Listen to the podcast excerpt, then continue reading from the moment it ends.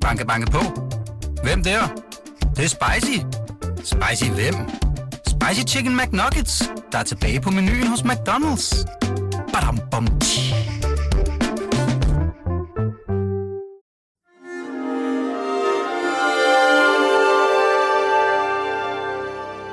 Du lytter til Avistid, en podcast fra Weekendavisen.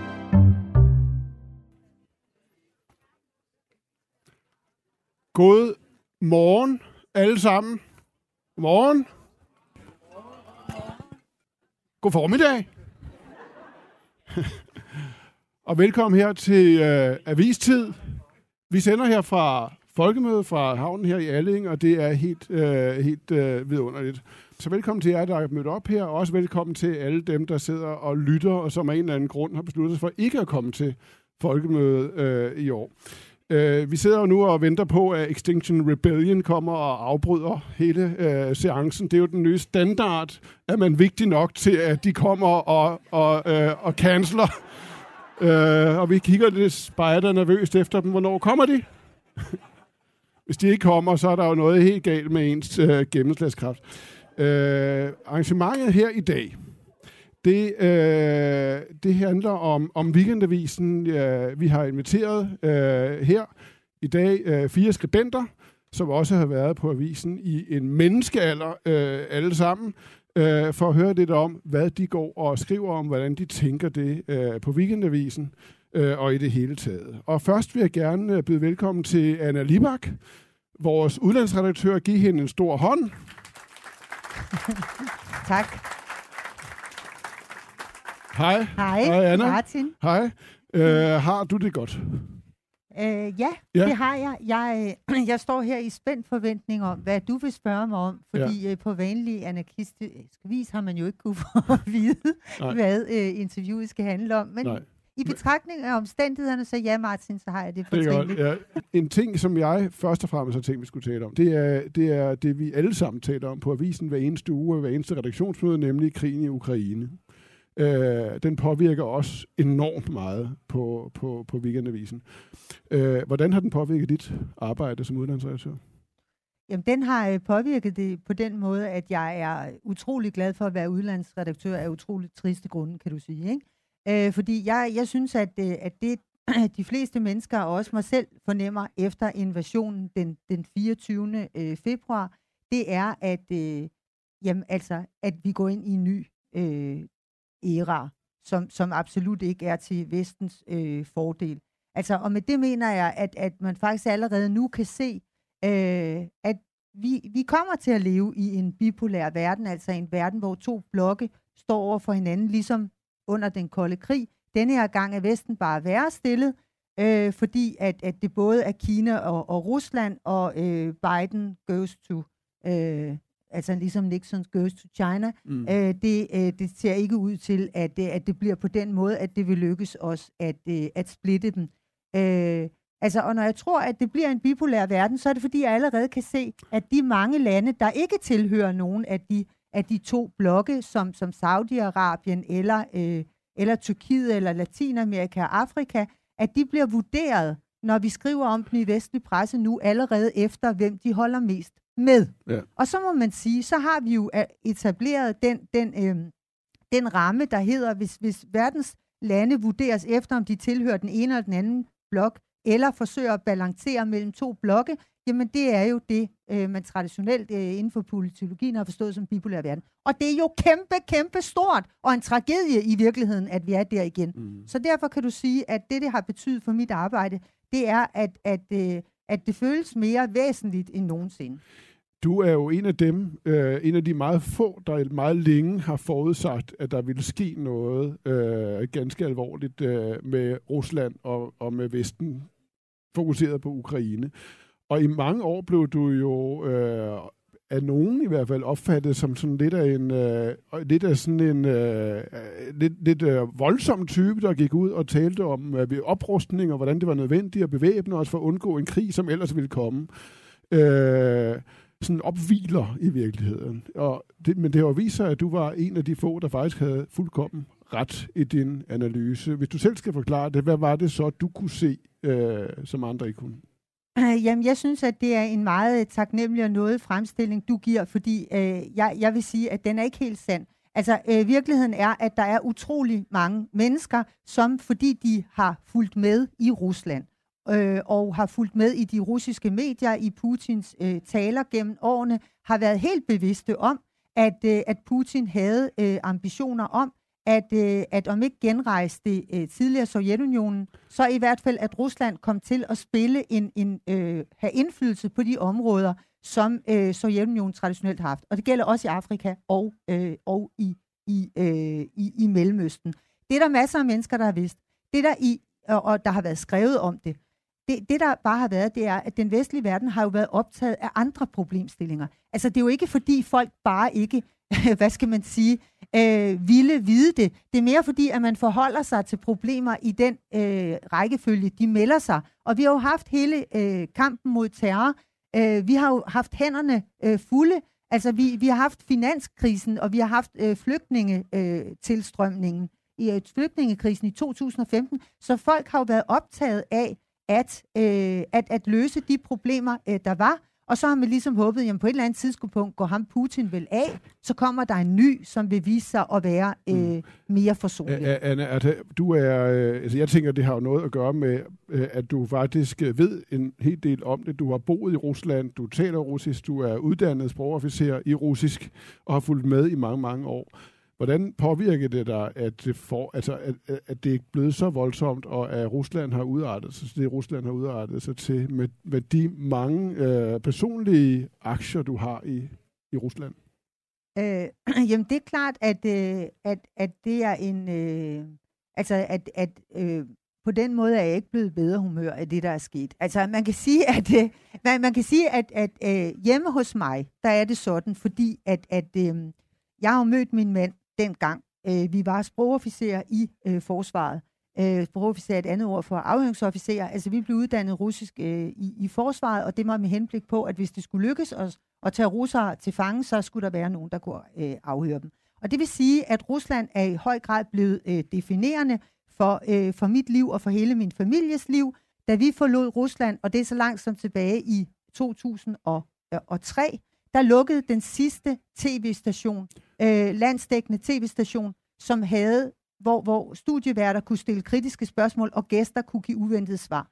Og jeg diskuterede med ham, nu er der ikke mere for os at gøre her. Vi, vi, vi vil ikke være vidne på første parket til en tragedie. Vi kommer først igen, når der er sket en revolution. Så vores liv derhjemme efter Ukraine-krisens øh, start, det er jo, at hver morgen og hver aften, så diskuterer vi, hvordan går det øh, for ukrainerne, og hvad er de sandsynlige mm. scenarier. Og hvis ikke jeg var på folkemødet, så ville vi også have diskuteret det her til morgen. Jeg mener virkelig hver, hver eneste dag. Det er hovedsamtaleemnet øh, hjemme hos øh, mig. Og det er det jo fordi, at, øh, at, at øh, jamen altså, det er, jo, det er jo Ukraine for fanden, der er ved at blive totalt øh, smadret. Mm. Og det er, jo, det er jo ukrainerne, øh, det går ud over. Det er også en tragedie for russerne, at det her sker.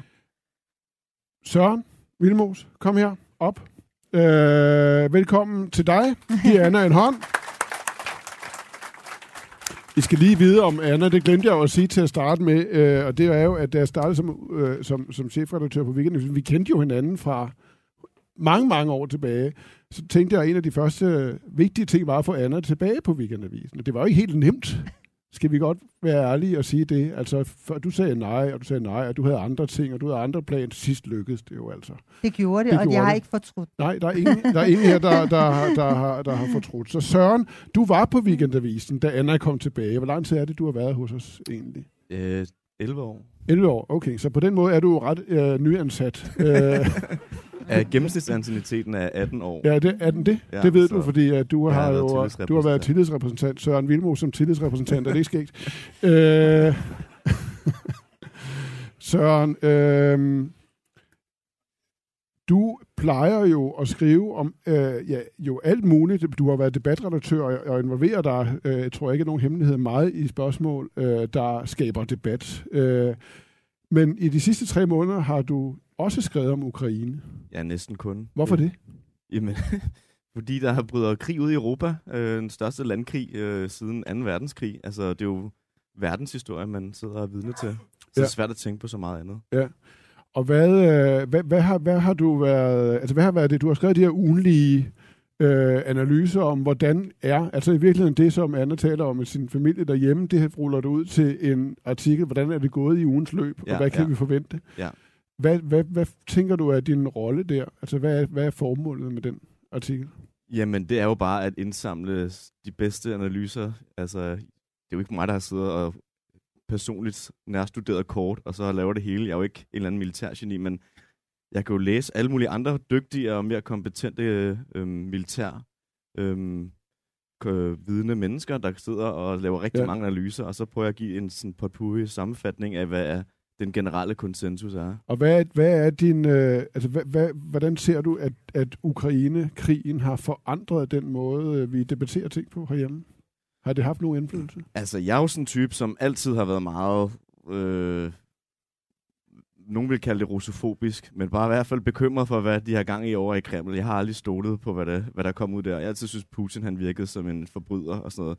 Men det, så det, jeg synes, det er, det er, at alle folk er begyndt at lyde mere som jeg selv. Sådan, føl, altså, jeg føler, at vi begynder at sådan, nå hinanden. Ja. Tænker du, at det er weekendavisens rolle, og din særlige i det hele taget, at få folk til at se verden på samme måde? Som... Nej, det mener jeg bestemt ikke. Så, trods alt ikke. Men Nej. øh, jeg er altid glad, når jeg føler, at, øh, at mit, den, ens egen frygt, den begynder andre også at have. Så Ja. føler man sig sådan ja. Du var jo også meget in- interesseret i, øh, i hele diskussionen om covid og corona Det rigtigt, ja. øh, spørgsmålet. Øh, er der en ny måde at diskutere ting herhjemme? Det er de her meget store spørgsmål, der får sådan undtagelsestilstandsagtigt præg. Jeg ved ikke, om der er en ny måde at, at diskutere ting. Jeg synes måske, der har været sådan en... Ja, under corona, det blev meget sådan en, øh, en hysterisk måde til sidst især. Ikke? Altså, det endte med at være... Altså, det store, brede, folkelige flertal, synes jo egentlig, at det, måden tingene blev håndteret på, var sådan meget fornuftigt. Og så har du sådan et, øh, hvad kan man sige, et mindretal, som er meget, meget højlytte og har set ja, øh, vaccineskeptikere og øh, andre sådan lidt mere konspirationsteoretiske ja. strømninger. Ja. Anna, hvordan opfatter du vores rolle på Weekendavisen i forhold til hele diskussionen om krigen? Altså, hvad er det, vi skal på Weekendavisen, som du ser det over for vores abonnenter og læsere? Jamen altså, jeg, jeg opfatter det som om, at vi skal øh, give en, øh, en, en nøgtern øh, analyse af, altså dels, på det, dels øh, hvordan krigen øh, forløber, men også hvorfor øh, forløber den, øh, som, som den gør. Ikke? Altså det er jo hele tiden udgangspunktet, det er, at vi skal ikke kun forklare, øh, hvad sker der, men også, øh, hvorfor sker det, og hvad kunne der i øvrigt øh, ellers øh, være sket. Ikke? Mm. Øh, så, så det er jo at give et overblik over, jamen øh, i denne her uges øh, avis, hvad er de forskellige holdninger til, øh, hvordan denne her krig skal bringes øh, til, til, til, til ende. Altså vil det være en god idé at tvinge Zelensky til en, en, en våbenhvile nu og efterfølgende øh, fredsforhandlinger, og måske endda bruge de, den våbenhvile til at give ham endnu flere våben, øh, eller vil det være øh, bedre at, øh, at forsyne ukrainerne med våben og lade dem kæmpe til sidste øh, ukrainer, det er jo det artiklen hedder, kamp til, til sidste øh, øh, øh, ukrainer, eller en tredje mulighed, slet ikke at forsyne dem med våben, fordi Mm. mm. så stopper krigen jo meget hurtigt Okay. øh, af sig selv. Ikke? Mm. Hvem mener hvad, og hvorfor mener de det? Altså at sætte, at sætte hvad hedder det, læserne selv i stand til at vurdere, øh, eller at, at, at, at tage stilling. Og jeg mener godt, det måske igennem, hvad ens egen anbefaling er. Hvis man vel at mærke altid bringer de øvrige, øh, de, de Mm. øvrige øh, holdninger, de bedste argumenter for de øvrige holdninger. Mm. Hans Mortensen, kom herop. Giv Søren en hånd. Uh, Hans, uh, du skal lige uh, tage, du skal lige rækkes til. Har du solcreme på, Hans? Nej, nej, jo, fordi jeg har, øh, jeg, jeg, på, altså, min mor spurgte mig lige før, om jeg havde solcreme på, og det havde jeg, fordi jeg vidste, at hun er her, og hun ville spørge mig som det allerførste. Så sad hun og pegede og sagde, har du solcreme på? øh, det er en alvorlig sag, hvis der er nogen, der synes, det er morsomt. Altså, det er det virkelig. min mor med, så... Øh, Nej, men, men, men, men så er det godt, du spørger. Det er godt. Jeg er glad for, at du spørger. det er godt. Har I alle sammen solcreme på? Det er godt. Ellers har vi måske lidt, man kan låne øh, her. Øh, Hans, øh, du har været på Weekendavisen i... November bliver det 20 år. Okay, ja. Ja. så det er jo også øh, lidt. Dog er du et stykke fra dit sådan- 25 jeg er års sådan halv- jubilæum. halv- Halvny, ikke? Halvny. Halvny ja. Ja. Ja, på Weekendavisen. Du er lige over, hvad var det, du sagde, gennemsnitsancieniteten på 18 år. Ja, ja. du skriver jo om dansk politik og har gjort det øh, gennem alle årene, og pludselig kommer der så sådan en krig her, som virkelig påvirker den måde, politik overhovedet foregår på. Hvordan ser du det? Jamen, der, der, der, der er ligesom to ting i det. Øh, fordi man kan sige, siden der, der blev afholdt valg i 2019, så har dansk politik været i undtagelsestilstand. Altså det, det har været alle øh, normale øh, funktioner er sat ud af kraft. Først fik vi øh, covid, øh, som sådan set larmede det hele i en periode, og det blev en helt anden måde at lave politik på. Og så var der lige tre måneders normalitet, og så kom krigen, og så er det en ny undtagelsessituation. Så vi får en hel valgperiode nu, hvor, hvor politik har været... Altså, jeg har jo en opfattelse af, fordi jeg har jo også før jeg kom på weekendavisen beskæftiget mig med dansk politik, så jeg, jeg ved jo nok, hvad der er normalt her. Ikke? Øh, og, og jeg går jo bare og tænker, hvornår bliver det normalt igen? Og det gør det jo aldrig. Øh, men, Hvad øh, betyder det, at det er undtagelsestilstand? Jamen det betyder, at sådan at normale, altså det vi normalt går op i sådan i politik og forlig om dit og dat, øh, det bliver mindre og mindre, fordi der er virkelig nogle store begivenheder her. Og krigen er jo en stor begivenhed. Og den har jo påvirket politik på, to, på flere måder, fordi der er nogle ting, der bliver uvæsentlige, og så har den jo også påvirket politik på den måde, at man pludselig hen over en weekend, øh, fra, fra sådan, øh, eller i hvert fald på en halv uge, fra onsdag til søndag, kunne blive enige om noget, man ikke har kunnet blive enige om i overvis, nemlig at hæve det danske forsvarsbudget til 2% af bruttonationalproduktet. Det har vi lovet i NATO i 2014, at det ville vi, og, og, og det har man bare ignoreret, fordi vi havde alt muligt andet, vi kunne. Vi, kunne, mm. vi var i Afghanistan, og vi var i Irak, og vi havde Grønland, og vi havde histop at komme herned, og, og nu, nu må man jo ikke sige, at vi også har et samarbejde med USA om noget aflytning af nogle kabler. Det, det, det, det ved jeg ikke noget om. Det ved jeg ikke noget om Øh, overhovedet. så, så, øh, men, øh, men øh, og så derfor har vi haft alle mulige undskyldninger for, hvorfor lige præcis vi ikke skulle have 2% af Ja. bruttonationalproduktet. Men det kunne man beslutte hen over en weekend. Øh, så der sker noget i politik. Men hvad vil du kalde det? Er der kommet en alvor? Ja, der er kommet en anden alvor. Altså, pludselig ser man jo, at vi kan ikke bare stå uden. Vi kan ikke være med på fribillet i NATO. Det, altså, det er jo ikke sådan, at den her regering, der de kom til, har tænkt, at vi skal, det vi skal bruge flest penge på, det er forsvar. Ja. Det tænkte den tidligere regering heller ikke på. Lars Løkke var heller ikke optaget af, at øh, vi skulle bruge penge på forsvar.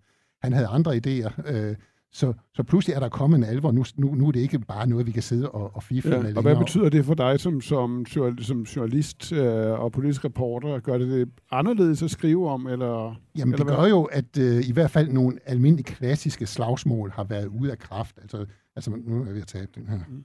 Øh, men, øh, men altså, der, der har jo været en, øh, i hvert fald i perioder en fred i politik. Man kunne se, pludselig stod de jo der og var enige om det her forsvarsbudget. Ja. Vi skulle have en afstemning og forbehold, det man ikke kunne blive enige om Ja. i 100 år, og pludselig stemte folk også for. Det er også helt mærkeligt, at danskerne stemmer for noget med EU. Mm. Øh, så, så, så det hele er, er ude at lave på en eller anden Er måde. de, har din rolle så forandret sig? Mm, Nej, det er jo stadigvæk det der med at observere og lytte og prøve at forstå, hvad der foregår, og prøve ja. at forklare for læserne, hvad der foregår. Fordi det er det afgørende for, Ja. for når man laver politisk journalistik, Ja. det er jo at prøve at... Altså, jeg skal jo ikke fortælle folk, hvad de skal stemme, øh, Ja. fordi jeg har selv problemer nok med at finde på at finde ud af, hvad jeg skal stemme. Men, øh, men altså, jeg skal jo prøve, fordi jeg har øh, de her 30 års erfaring med politik, prøve at analysere forklare, hvad der foregår, prøve med ved hjælp af nogle kilder og finde ud af, hvad der, hvad der egentlig sker bag kulisserne, og så sætte folk, øh, ja. de læsere, der er på weekendavisen, i stand til på bedst muligt oplyst grundlag at træffe deres egne valg. Ja. Det var næsten det samme, du sagde. Det er Ja, simpelthen enige. velkoordineret, det her. øh, nej, det, det, er, det er lidt fisker efter her. Øh, det er jo, øh, altså, når jeg skriver en leder, for eksempel, så er de jo, som I ved, dem er, der læser weekendavisen, meget lange. Og nogle gange, så kan det være lidt svært at finde ud af, hvad man skal. Du har skrevet leder, og du har også skrevet leder, I ved, hvordan det er. Så øh, sidder man der og tænker, hvad skal jeg skrive over? Men så vælger, så går man i gang, og så er der eddermame langt ned til bunden af den der leder der. Og så skriver man, og så skriver man, og sådan lidt halvvejs begynder man at tænke, "Ah, er det nu op? Begynder man at tænke, at måske var det modsatte faktisk, øh, og kunne også have noget for sig. Fordi man jo også skal vise, som du siger, Anna, vise, hvad modparten ville sige til det her. Og så begynder man at argumentere egentlig imod det, man lige har, har skrevet. Og det går ikke. Det kan man ikke have to, to meget modsatrettede holdninger i, i en leder. Og så må man jo finde ud af, hvad for en af dem man har tænkt sig at følge til dørs. Øh, men med det, der foregår i Ukraine, synes jeg simpelthen, det er blevet nemmere. Man er, altså, jeg føler mig mere sikker, øh, måske fordi, at man føler sig personligt involveret øh, i det her, og anfægtet på en anden måde, end man måske var før. Øh, har I det sådan også, eller holder I jer helt hardcore analytisk til tingene stadigvæk? Nej, det er da klart, man holder med Ukraine. Det, det kan, ja, det, jeg synes, det er mærkeligt, hvis man ikke gør det. Og, Ja. og det er vel også, synes jeg, i år. Gør det det så ikke sværere at holde sådan en Nej, fordi jeg synes, det, distance? Det kan man sige, men det skal man heller ikke nødvendigvis kun have. Altså, vi har jo også en kontrakt med læserne, der hedder, at vi er en, en borgerlig avis, det vil sige, at vi går ind for demokrati og ytringsfrihed, og så er man jo imod, når der kommer, når russerne altså på ja. at stjæle andres land. Det, ja. det siger sig selv, at man holder med Vesten. Altså, ja. Så det synes jeg ikke gør Hvad siger noget. du, Anna? Jamen, jeg øh, ved ikke, om, øh, om jeg ikke er fuldstændig enig med Søren. Det tror jeg, jeg er. Altså, det jeg vil sige om lederen, det jeg står og tænker på, ikke, det er, det jeg synes er den største spændetrøje, og det kunne vi jo godt afsløre for læserne, skulle der være nogen iblandt, det håber vi jo. Øh, så det er, at lederen er bygget op på en bestemt måde, nemlig øh, via akrostikon, sådan så det første ord, altså øh, i hver øh, afsnit, øh, til sammen danner en øh, alle de ord, hvis man sætter dem sammen, skal det danne en sammenhængende sætning. Og, og, og det kan jeg huske, at da jeg begyndte at skrive leder, så sagde du øh, faktisk til mig, at den helt store udfordring er, at nogle gange så indtager man det modsatte standpunkt, fordi det, et, ellers så passer det ikke med akrostikon. ja, skal vi lige forklare det for jer, der ikke har hørt om jeg ved, det? Jeg ved godt, det var ret klumpet. Det var, det er, skal, jeg lige, øh, skal jeg lige forklare det. Altså, det var min forgænger, Anne Knudsen, hun gjorde det. På et eller andet tidspunkt, så har hun været chefredaktør i så mange år. Hun begyndte måske at kede sig lidt, og hun tænkte, nu skal vi lave et benspænd og det var så det her akrostikon, som jo er det retoriske udtryk. Det er jo i et, i et uh, digt, hvor så er det jo kun det første bogstav, som til sammen danner et, et ord, en linje. Uh, vi har jo så det første ord i hvert afsnit. Det er historisk falit at afvise Ukraine, altså Ukraines EU, uh, anmodning om EU-kandidatstatus. Og det betyder, det er jo virkelig sjovt, men det, det er jo fandme besværligt også nogle gange. Øh, den her har vi et sidste skanse, det handler om republikanerne i USA. Den hedder Den sidste republikaner, men det betyder jo, at der er nogle sætninger, der bliver lidt omvendte. øh, øh, for eksempel afvise den ukrainske ansøgning kan man selvfølgelig, hvis man holder sig til formal. Ja. Øh, og, og hvis man ikke ved, at det er sådan, vi gør det, så vil nogen tænke, øh, tænke, at det skulle da en lidt tung måde at starte den. fuldstændig, fuldstændig. Altså, der er spor, jeg ved et andet spor efter øh, Falit er den vestlige strategi, hvis man ikke giver Ukraine den nødvendige hjælp. Jeg synes, det er virkelig, virkelig dejligt, men nu ved I det. Nogle sætninger bliver helt mærkelige. Ikke? Øh, ej, ej, vel ikke også, vel sagtens og sådan noget.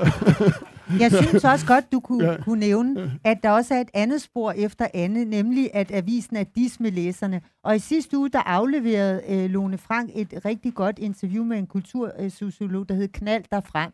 Og så kom øh, vores øh, øh, vikarierende redaktionschef øh, Siler og sagde, nej, det går simpelthen ikke. Vi er dis med læserne, der skal stå knald dem frem. Ja. Og, det, og, og det måtte jeg, jeg øh, jo bøje mig for, og så ændrede vi det, knald dem frem. Ja. Øh, så hvis I har læst uh, sidste uges weekendavis, og det, det skyldes simpelthen Anne Knudsen, okay. det er hendes fortjeneste. Giv lige Hans en, øh, en øh, midlertidig hånd her, og så øh, Paul Pilgaard, kom her op til os andre. Paul, tag øh, en mikrofon. Paul Pilgaard Jonsen som jo øh, for længst har haft 25 års jubilæum på avisen. Du skriver jo ikke om Ukraine øh, og krigen. Du skriver om alt muligt andet øh, i det store, brede felt, der hedder kultur i zonen mellem kultur og politik, kan man vel kalde det. Ikke? Hvordan er det egentlig, når der er den her undtagelsestilstand, som vi lige har stået talt om? Det er, som det plejer. Altså, øh, jamen det er det. Der skal også være nogen til at fortælle, hvorfor Jon Steffensen øh, i virkeligheden blev fyret, som man kan læse i avisen den her uge i Kultur. Øh, og så er der jo helt generelt en, øh, et behov for historier, altså for gode historier. Og det grund til, at jeg elsker at være journalist, det er, at jeg godt kan lide at fortælle historier. Den gode historie er jo tit karakteriseret ved i virkeligheden ikke nødvendigvis at være aktuelt. Det er det fantastiske ved den her avis, og det er der hele, hvad skal man sige, avisens raison d'être og dens grundidé, er, at den er sådan en mærkelig hybrid, en blanding mellem et dagblad, noget der kunne stå i en dagblad, et, et klogt dagblad, og så et tidsskrift, noget som rent faktisk lige så godt kunne stå til næste år eller et andet år. Og den fine, hvad skal man sige, balance, der er der, tror jeg er afgørende for, øh, hvilken succes Weekendavisen har, og for, at folk elsker at læse Weekendavisen. Og historier, de kan sådan set godt være gammelt. Nogle gange går vi og joker på Weekendavisen med, at vi har meget afgørende gammelt, i stedet for afgørende nyt, som det hedder på andre ja. aviser. Men det er faktisk på den måde afgørende gammelt, for de historier, der på en eller anden måde resonerer noget menneskeligt eller eksistentielt, eller fortæller om, hvordan nogle andre menneskers oplevelser eller liv har formet sig, og på den måde enten bare er spændende at læse om, eller måske på en eller anden måde resonerer eller spejler ens eget liv, er, hvad hedder det, en god historie. Okay. Hvad øh, siger I? Øh, har I lyst til at spørge om noget, eller er der noget, I har hæftet jer ved? Øh, I har I et forslag til et lederemne, eventuelt øh, i, i, i næste uges avis? Hvad siger I? Jeg vil gerne spørge Libak og hendes nabo deroppe, øh, når man hører om Ukraine og ser deres øh, flinke, rare præsident, så kan man jo godt få ondt af ukrainerne, ligesom I også kan udtryk for. Men andre gange får man nogle beskrivelser af, at det er en omgang crooks and criminals, der styrer det land, og er det overhovedet en eller anden familiemedlem, vi har lyst til at være i familie med? Ja.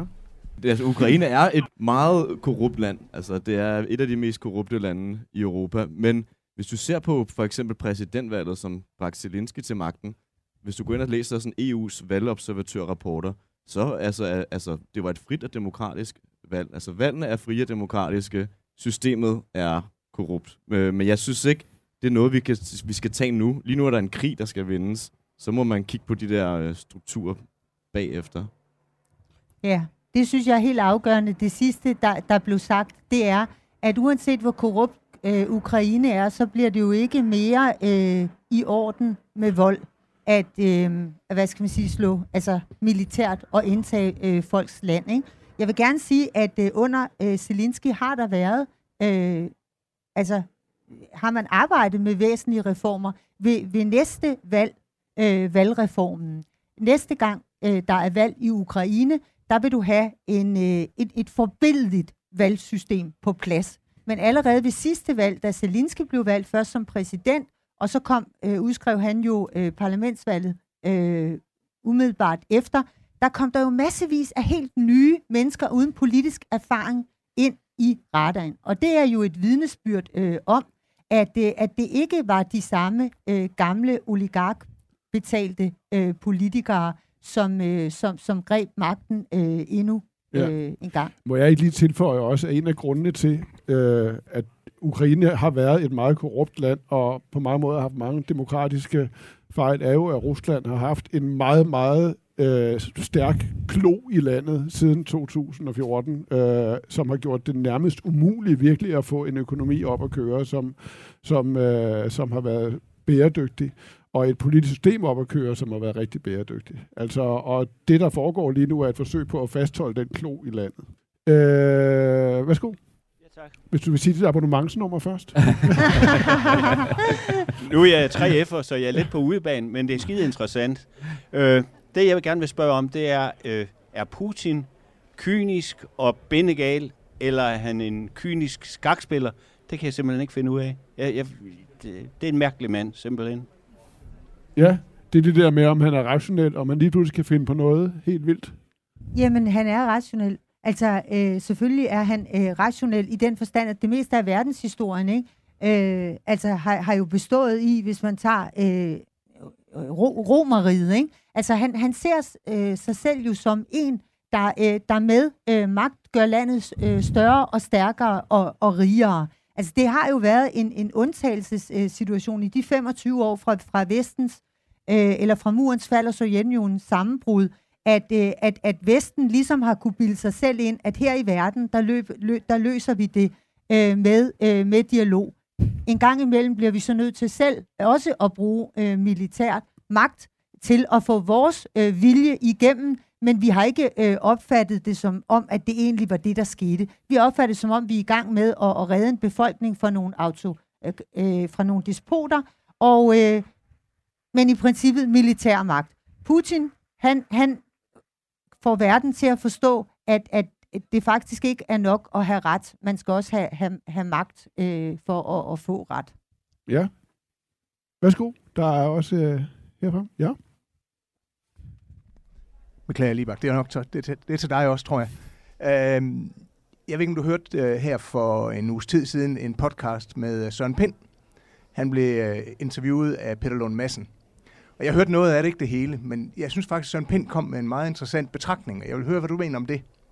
Fordi han, øh, han siger, han tror sådan set, at vi er på randen af en ny storhedstid i Vesten. Han siger, at alt det, der sker her med Rusland, og for så vidt også med Kina, at øh, vi, vi er i gang med en bundvending, hvis jeg skal sådan prøve at beskrive, hvad han sagde. At øh, det her kommer til at betyde, at der pludselig kommer meget større øh, pres på frihedsrettigheder, at øh, Vesten faktisk kommer meget styrket ud af det her. Og øh, han, var så, han tog så også en disclaimer på det og sagde, at, øh, at øh, jeg tilhører en generation, hvor jeg ikke rigtig kan sige, hvordan det kommer til at foregå. Øh, som jeg forstod ham. Det er, fordi han ikke arbejder på weekendavisen. Ja, det tror jeg også. Men jeg kunne egentlig godt tænke mig at høre den øh, vinkel på det. Øh, hvad, hvad, hvad du mener om den? Ja. Jeg mener, at der ikke er nogen tvivl om, at det er gået op øh, for os i Vesten, at vi har noget at, øh, at forsvare. Og på den måde er det klart, at det, at vi, at vi samles nu, fordi der er en ydre øh, fjende, det er en styrkelse af Vesten.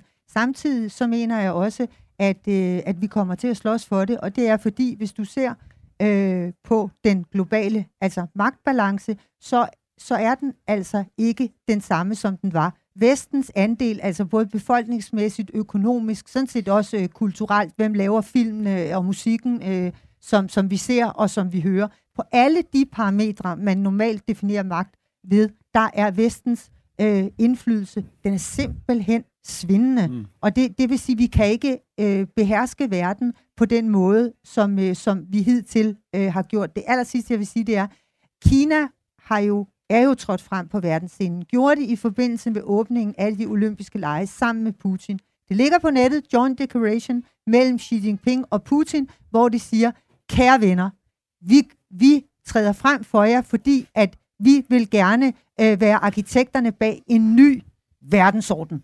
Og det vil sige, at aspirationerne er der, den økonomiske tyngde øh, er der også. Snart overhaler USA jo, øh, eller Kina jo som den største. Så, så jeg tror øh, virkelig, at, at vi får brug for øh, at samle tropperne her i, i, øh, i Vesten, og, øh, og klogt at finde os nogle allierede, også blandt de min, min, øh, mindst slemme diktatorer. Må jeg ikke lige spørge øh, dig, Hans? Altså, den der, en, altså en, kan du det en bundvending? Altså det, at vi er nede og vende, og så på vej op igen, fordi vi ser, hvad fanden der er, hvad det er, der faktisk betyder noget, øh, og, og, og noget, vi derved styrker. Øh, hvis man ser på dansk politik, så virker det jo som om, der... Øh, altså, du talte om, at der, der, der er en tilstand af noget seriøsitet, men der er jo samtidig også en noget, der ligner noget opløsning, ikke? Altså, øh, altså partier, der øh, for, forsvinder og opstår, og politikere, der hopper fra det ene parti til det, det går andet. Jo, det går jo altid i forskellige retninger. Og det Plus er klart, den ene kommission efter den anden. Jo, jo, jo, jo. Der er masser af, af sådan rigtig politisk ballade, men det hører jo også til et demokrati, at der er en opposition og en regering, og man er imod hinanden, og man kæmper og slås. Og, og selvfølgelig handler politik om at erobre magten i demokratiet. Og, der, og på den måde er der, er der jo de gamle slagsmål, og der er masser af, af ballade, og, og, og det er sådan, noget, sådan nogen som mig, vi er helt vilde med. Vi er jo, jo mere, jo værre, jo bedre. Ikke? Så, øh, så på den måde er det jo fint nok. Men samtidig er der jo også den seriøsitet, når man kan øh, på fire-fem dage blive enige om, at nu skal vi faktisk have et forsvarsbudget, som vi har lovet i mange, mange år, så er det jo sådan, at vi tager det jo alvorligt pludselig. Altså også, at der er også en fornemmelse af, at, at øh, det her, det giver ikke sig selv. Demokratiet giver ikke sig selv. Vi er nødt til at kæmpe for det, som Anne siger. Det, det er noget, og, og på den måde kan der jo godt være en bundvending i, at vi begynder at, at tage vores egen situation mere seriøst. At det ikke bare er noget pjat og noget ballade. Så pludselig, når der er alvor på, så kan, det, så kan det altså godt lade sig gøre at lave noget samling. Men stadigvæk har vi jo, altså, og det hører til et demokrati, at der er slagsmål mellem regering og opposition. Så det er sådan set begge dele at tage demokratiet alvorligt. Ja. Paul, kan du, altså det det er jo to meget forskellige fortællinger, der er om, om Vesten, vestlig demokrati og kultur jo også, ikke? Altså enten så er det en fortælling om en langsom undergang, øh, hvor vi vender os mod øh, os selv, vi bliver mere og mere indadvendte, mens resten af verden racer videre. Den anden fortælling om, at vi er ved at genfinde en eller anden form for værdi, som rent faktisk, rent faktisk betyder noget, og som vi står sammen om. Hvordan bliver det reflekteret, som du ser det, i den kulturdebat, der er i de her måneder? Altså man kan jo i hvert fald sige, at øh, udover alt det andet, de vil være enige om, så vil både, hvad hedder det, Kina og russere og, hvad hedder det, øh, og muslimer jo være enige om, at øh, der findes noget vigtigere end at bruge tiden på at diskutere, om det skal hedde hen, og at nogen skal tales om i flertal, øh, som de og dem, hvilket man jo betragter som en form for, hvad skal man sige, altså at, den vestlige kultur er på en derute på en eller anden måde, altså i virkeligheden, øh, og har mistet, hvad skal man sige, grebet om det. Og der bliver det jo interessant også, hvad skal man sige, hvis vi taler om, at Vesten på en eller anden måde skal genfinde sig selv, eller hvad skal man sige, blive meget opmærksom på sig selv, så er historien jo det sted, man skal dykke ned for at forstå, hvad det vil sige at være en i Vesten. Og det er jo derfor, gamle historier også er så interessante, for det er meget interessant, hvordan tænkte et menneske for 50 år siden, for 100 år siden, ja for 200 år siden, om sig selv, om de andre, om verden Altså, og det er jo det, jeg synes er weekendavisens styrke på en eller anden måde, at man ligesom kan få både her, jeg har sagt det før, og det gamle, men der er faktisk en mening med det. Altså, fordi hvis man virkelig vil forstå, hvad det vil sige at være i en kulturkreds som vores, helt konkret den danske så, så bliver man nødt til at vide noget om, hvordan det var for mennesker. Og nogle gange er det jo meget, meget forskelligt, bare for 40 år siden. Mm. Altså, men, mennesker, der er 25 år i dag, aner jo faktisk ikke, hvordan vi tænkte, øh, da vi gik ind på Weekendavisen for 26 år siden. Man kan i hvert fald sige, at sådan en krise, som er opstået nu, så sker der noget ved, med, med, med folk, og det er jo ikke kun i Danmark. Altså en bevidsthed om geografi, hvor er man, og en, og en bevidsthed om historie, hvad er det, man kommer af. Øh, og det, den debat føres jo meget, meget pludselig på en meget mere mm, mm, altså på en meget mere fortættet og, og meget alvorlig måde, jo ikke kun i Danmark, men også øh, i andre lande. I Baltikum meget, øh, meget seriøst. I Tyskland føres den debat meget seriøst. Øh, og den har altså både et nationalt og et europæisk præg. Det synes jeg er meget, meget øh, vigtigt og interessant. Russerne ja. ved, jo, eller har jo nærmest defineret sig i lange perioder som nogen, der lige præcis, hvad skal man sige, var i modstrid med den derut, man synes, Vesten står ja. for på det kønspolitiske osv., der Anna ville kunne fortælle om det. Ikke? Altså, man, man betragter det faktisk som, at man her viderefører den ægte gamle, måske endda ligefrem vestlige, i hvert fald kristne kultur, ikke? i modsætning til ja. det rigtige Vesten. Okay, godt. Vi kan lige nå nogle spørgsmål øh, endnu. Ja, værsgo. Tak. Øhm, nu når vi øh, har fået afskaffet EU-forbeholdet, så er det i hvert fald, når man hører krigen her, og Vesten skal stå i, træde i karakter for vores værdier, så er det jo svært at komme udenom, at EU skal fremstå som en, der i hvert fald på, for mig i hvert fald gerne på kort sigt, for, som en eller anden form for samlet militær og sikkerhedspolitisk magtfaktor, hvis vi overhovedet skal kunne spille op mod Rusland, men ikke også mindst øh, Kina og Indien og problemer, vi har i Afrika. Hvordan stiller vores partier sig til, at det må på en eller anden måde være den vision, hvis vi skal kunne forsvare vestlige værdier? Ja. Øh, jeg, tror, jeg tror, partierne lige nu tænker, at øh, EU skal spille en mere sådan... Øh, øh, tilbagetrukket rolle med fredsbevarende missioner osv., og, og grænsekontrol osv. Den store militære opgave, det er stadigvæk NATO. Og det hænger også sammen med, at øh, altså, den store militære magt i NATO, det er USA. Den næststørste er altså Storbritannien. De er ikke med i EU. Så der er ikke meget militær magt i EU lige nu, selvom vi øh, beslutter os for at gøre det. Og så kunne der blive meget bøvl med at, at blive enige. Altså EU har jo ikke vist stor beslutningskraft, så sådan i, i, i, i de svære sammenhænge. Det, det, er, det er blevet bedre nu her under krisen. Men, men der er jo kommet en, en, en anden form for Europadebat, må man sige, ikke? Jo, jo. Altså, den, er, for, den, er, jo, den er forandret fuldstændig. Jo, jo, fordi der var jo en fornemmelse af med forbeholdsafstemningen, fordi man kan jo godt diskutere, hvad var det praktiske udkomme af det, hvad, hvad var det egentlig for nogle aktioner, vi kunne være med i, og, og man kan sige, tilhængerne af at, at afskaffe forbeholdet havde jo ikke sådan synderligt lysende argumenter for, hvad vi jo gået glip af ja. ved ikke at være med. Men det var jo en tilkendegivelse. Det var en tilkendegivelse af, at vi er med på holdet, vi er med på det vestlige Præcis. hold. Så på den øh, måde er det igen de der mest større spørgsmål, der, der det, det er det helt store. Det er, det er, det er værdipolitik ja. at stemme ja til, fordi det, altså, så var det jo heller ikke værd, ja. at vi ikke var med. Ja, og altså, værdipolitik, det er jo der, politik og historie og identitet flyder sammen. Anna, du startede med at sige, at vi har været meget optaget af alt muligt andet i mange år, ikke? og derfor har vi ikke set det, der kom mod os. Øh, tror du på, at det er blivende, eller er det sådan noget, man kan holde koncentrationen om i noget tid, nogle måneder, nogle år, og så begynder man at fokusere på alle de der ting igen?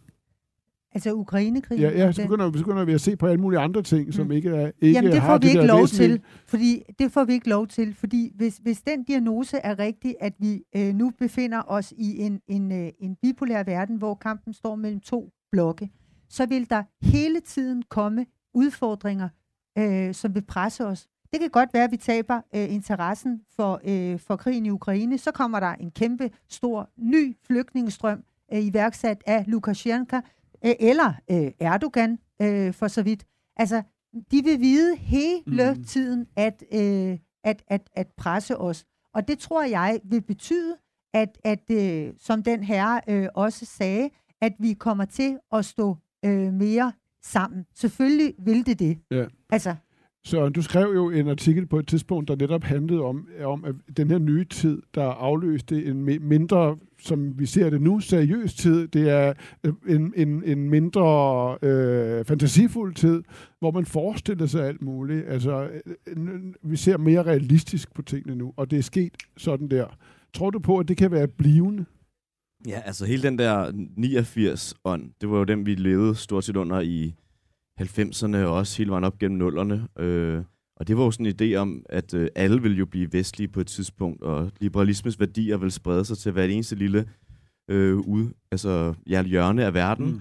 Og det ville være sådan et ekspansivt, universelt projekt. Og så er det så vist sig hak for hak, at øh, ikke alle var med på det projekt. Så var det så var Mohammed-krisen vist Mellemøsten, de var måske ikke så vilde med ytringsfrihed, og irakerne tog ikke så glædeligt imod vores demokrati-eksperiment, som vi havde forestillet os, og, og til sidst så begyndte russerne også at vise sig, at de jo egentlig heller ikke måske var så øh, med på den samme øh, idé. Og nu ligger det helt væk, det der projekt, mener jeg ligger dødt nu, men det er jo så erstattet af et øh, defensivt vestligt projekt, ikke? hvor nu handler det om at bygge grænsevolde og beskytte vores territorie og sikre os, at russerne i hvert fald ikke kan udøve indflydelse på, på måden, vi gør det her, og vi bliver mere kritiske over for kineserne kan se, okay, måske er de heller ikke helt så, øh, så meget. Altså, det er en, helt, det er en ny, en ny måde også at tænke os selv på i forhold til resten af verden, som er kommet snigende. Ja. Vi når ikke mere, fordi nu øh, skal vi til at gøre klar til øh, det næste show øh, her på scenen. Tusind tak, fordi I øh, kom og lyttede. Tak til øh, Anna og Søren og Paul og Hans. Giv dem en hånd. Vi ses derude. Ha' et godt folkemøde.